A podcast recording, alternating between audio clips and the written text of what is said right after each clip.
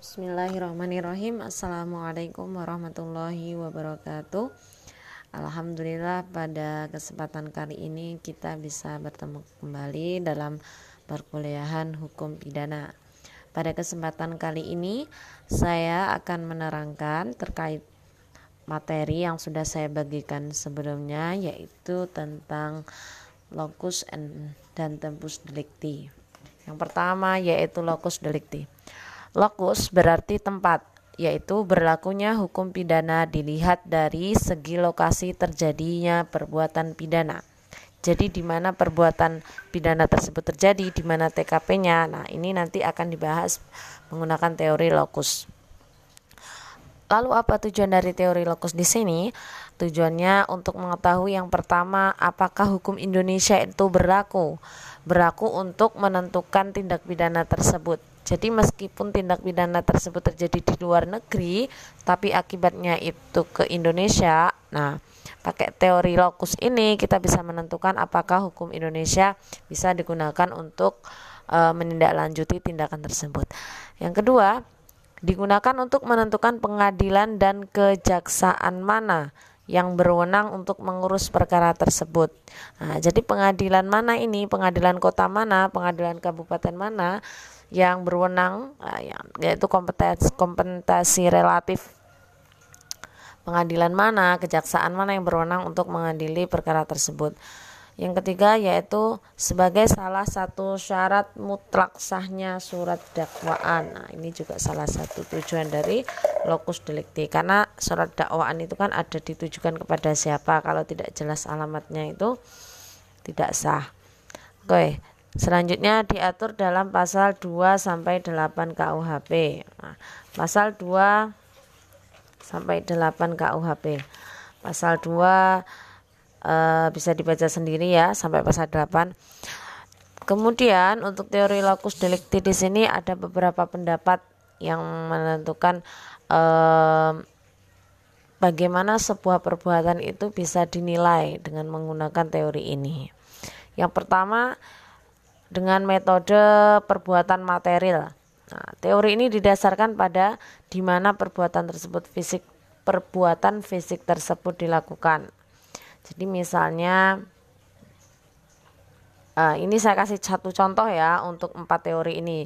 Yang pertama ada teori perbuatan material, yang kedua teori bekerjanya alat yang digunakan, yaitu teori ini didasarkan pada tempat di mana alat untuk melakukan tindak pidana tersebut berfungsi. Jadi kapan berfungsinya alat itu? Yang ketiga yaitu teori akibat. Di sini menjelaskan bahwasannya teori ini didasarkan pada tempat di mana akibat dari tindak ter pidana tersebut timbul. Yang keempat yaitu teori tempat jamak. Teori tempat jamak ini didasarkan pada di mana perbuatan tersebut terjadi, alat yang digunakan bereaksi dan akibat dari perbuatan ini perbuatan tersebut timbul. Kita ambil contoh ya. Misalnya terjadi perkelahian antara si Andi dengan si Budi. Nah, perkelahiannya ini terjadi di terminal misal terminal Bungurasi Surabaya. Nah, kemudian kan Andi dengan Budi. Si Budi ini terkapar karena luka-luka terkapar karena luka-luka ditikam si Andi tadi. Tikamnya dengan sebelah pisau. Jadi Andi sama Budi bertengkar atau berkelahi di Bungurase. Si Budinya ini ditikam oleh si Andi itu tadi. Oleh keluarganya, kemudian si Budi tadi dilarikan ke rumah sakit terdekat. Nah, karena Bungarase itu daerah Sidoarjo ya. Misal diras, uh, dilarikan ke Sidoar RSUD Sidoarjo. Nah, kemudian karena terlalu parah, akhirnya pihak rumah sakit itu mengirim si Budi tadi ke Rumah Sakit Dr. Sutomo Surabaya. Nah, kemudian setelah sampai Surabaya kurang lebih dua jam di rumah sakit itu tadi kemudian akhirnya si Budi itu meninggal karena luka yang dideritanya. Kalau kita lihat dari empat teori tersebut yang pertama perbuatan material. Teori ini didasarkan pada perbuatan di mana perbuatan fisik tersebut terjadi. Jadi e, kalau menurut teori perbuatan material tindak pidana tersebut terjadi di terminal Bungurase karena perbuatannya ada di terminal Bungurase terus teori yang kedua teori bekerjanya alat yang digunakan. Nah, alat tersebut e, bekerja karena ditusuk dengan pisau di terminal Bungurase. Nah, pisau tersebut kan bekerja be, berfungsi seketika itu di terminal Bungurase. Jadi TKP-nya ada di terminal Bungurase. Terus teori akibat. Teori ini didasarkan pada tempat di mana akibat dari tindak pidana tersebut e, timbul. Nah, e, karena tadi kan si Budi di dibawa ke RSUD Sidoarjo kemudian karena tidak bisa menangani dibawa ke Surabaya. Akhirnya di Surabaya meninggal.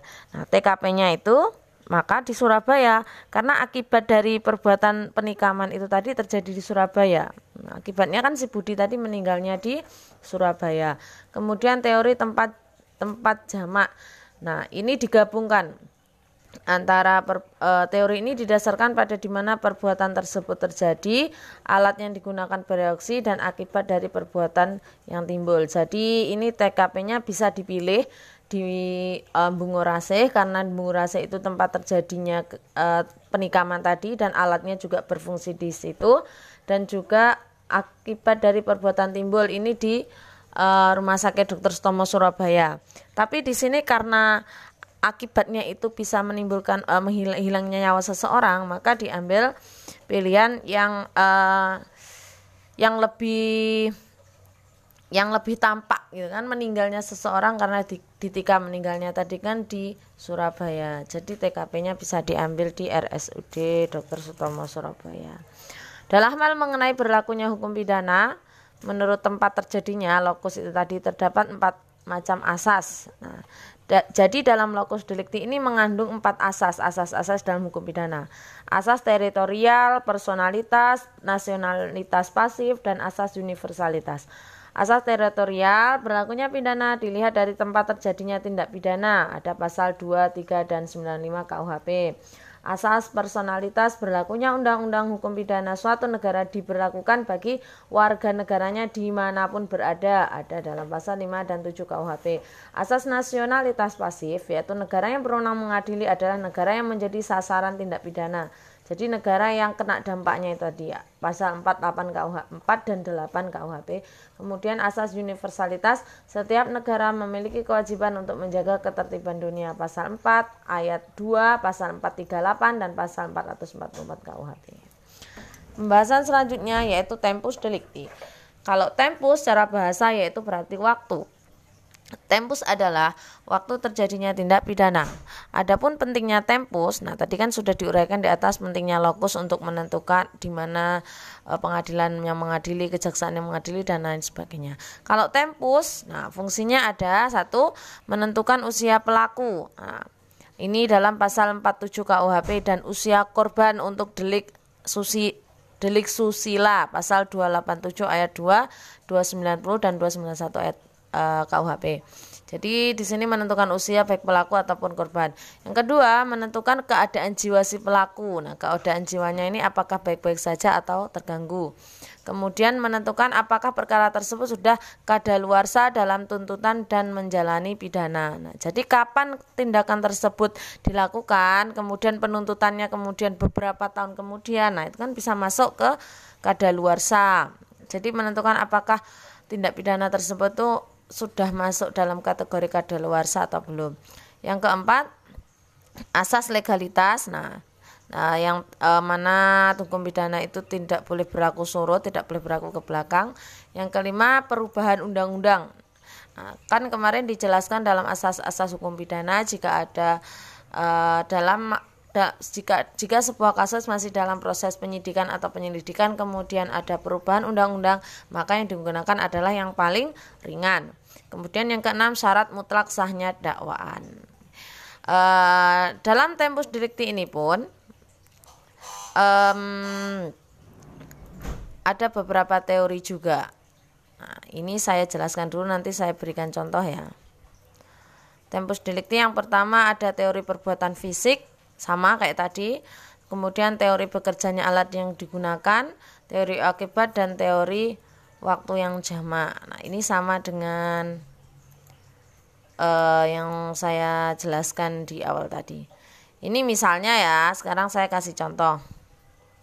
Misalnya ada uh, Andi dan Budi lagi. Andi dan Budi ini merupakan kakak beradik. A, A, A itu kakak, B itu adik. Saat ini, sekarang ini tanggal uh, tanggal 18 Februari ya. Tanggal 18 Februari si Andi ini berumur 18 tahun. Berarti Andi sudah cakap hukum, sudah masuk dewasa. Kemudian si Budi, Budi ini baru berumur 15 tahun. Nah, sekarang tanggal 18 ya. Namun dalam tiga hari ke depan yaitu tanggal 21 Februari Budi itu akan genap berusia 16 tahun berarti tiga hari lagi si Budi ini akan genap berusia 16 tahun berarti tiga hari lagi Budi bisa dikatakan cakap hukum suatu hari tanggal 8 Februari nah tanggal eh, jangan jangan tanggal 8 misalnya tanggal sekarang kan tanggal 18 ya. Um, misalnya tanggal 10 nah Tanggal 10 itu terjadi perselisihan antara si Andi dan Budi hingga terjadi perkelah, perkelah, perkelahian.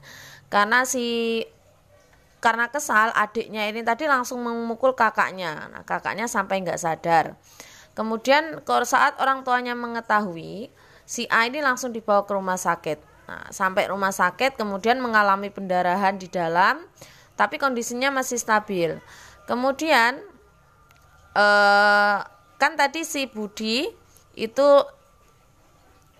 um, apa namanya tiga hari ke depan umurnya sudah genap ya kemudian tadi kejadiannya tanggal 10 Februari. Dua minggu kemudian misalnya eh, atau eh, 20 hari kemudian berarti tanggal sekitar akhir-akhir Februari. Nah ternyata si Andi ini meninggal dunia.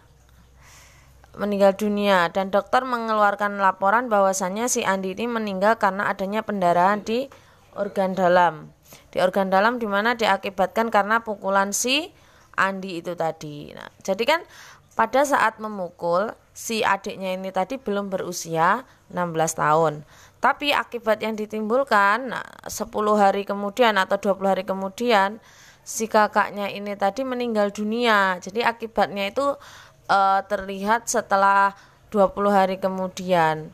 Oleh karena itu, kalau dilihat dari teori-teori yang di ini dari perbuatan fisik, dari perbuatan fisik itu tadi waktu kejadiannya bisa dilihat dari tanggal 18 Februari pada saat si uh, Budi memukul si Andi. Nah, jadi kalau melihat dari teori ini bahwasannya si Budi memukul Andi tanggal 18 Februari. Jadi waktu kejadiannya tanggal 18 Februari. Tapi kalau melihat teori bekerjanya alat yang digunakan, alat yang digunakan tadi kan sebilah kayu ya untuk memukul alat alatnya itu eh, apa alat tersebut berfungsi ya saat itu juga karena langsung tidak sadarkan diri. Jadi waktu waktu terjadinya tindak pidana ya saat itu tanggal 18 Februari. Tapi kalau melihat dari teori akibat, nah tadi kan meninggalnya akhir Februari ya, anggap aja 28 Februari. Jadi kalau melihat dari teori ini, maka waktu terjadinya tidak pidana adalah saat si Andi meninggal dunia yaitu tanggal 28 Februari. Kemudian teori waktu yang jamak gabungan dari teori perbuatan fisik dan teori akibat. Ini diambil juga yang teori akibat tanggal 28 Februari. Lalu bagaimana jika tersangka belum mencukup belum cakap umur? Misalnya si uh, siapa tadi si Budi kan masih berumur 15 tahun. Tapi karena eh, akibat yang ditimbulkan dari perbuatan tersebut itu terjadi saat Budi sudah berusia eh, berapa? Saat berusia 15 tahun, maka itu ada beberapa pendapat beberapa pilihan hakim dapat menjatuhkan hukuman untuk si Budi. Yang pertama, si Budi bisa dikembalikan ke orang tua untuk dididik tanpa dipidana. Yang kedua diserahkan kepada pemerintah guna dididik. Jadi diserahkan ini bukan dipidana ya, tapi dididik hingga perilakunya berubah atau sampai usia 18 tahun. Yang ketiga, si Budi itu tadi bisa dijatuhi hukuman menurut perbuatan yang dilakukan dengan pengurangan sepertiga dari hukuman orang dewasa. Jadi hakim boleh mengambil tiga kemungkinan yang bisa digunakan untuk menghukum si Budi karena pada saat melakukan tindak pidana Budi ber, belum cakap cakap hukum tetapi akibat yang ditimbulkan itu setelah Budi cakap hukum. Oke, terima kasih.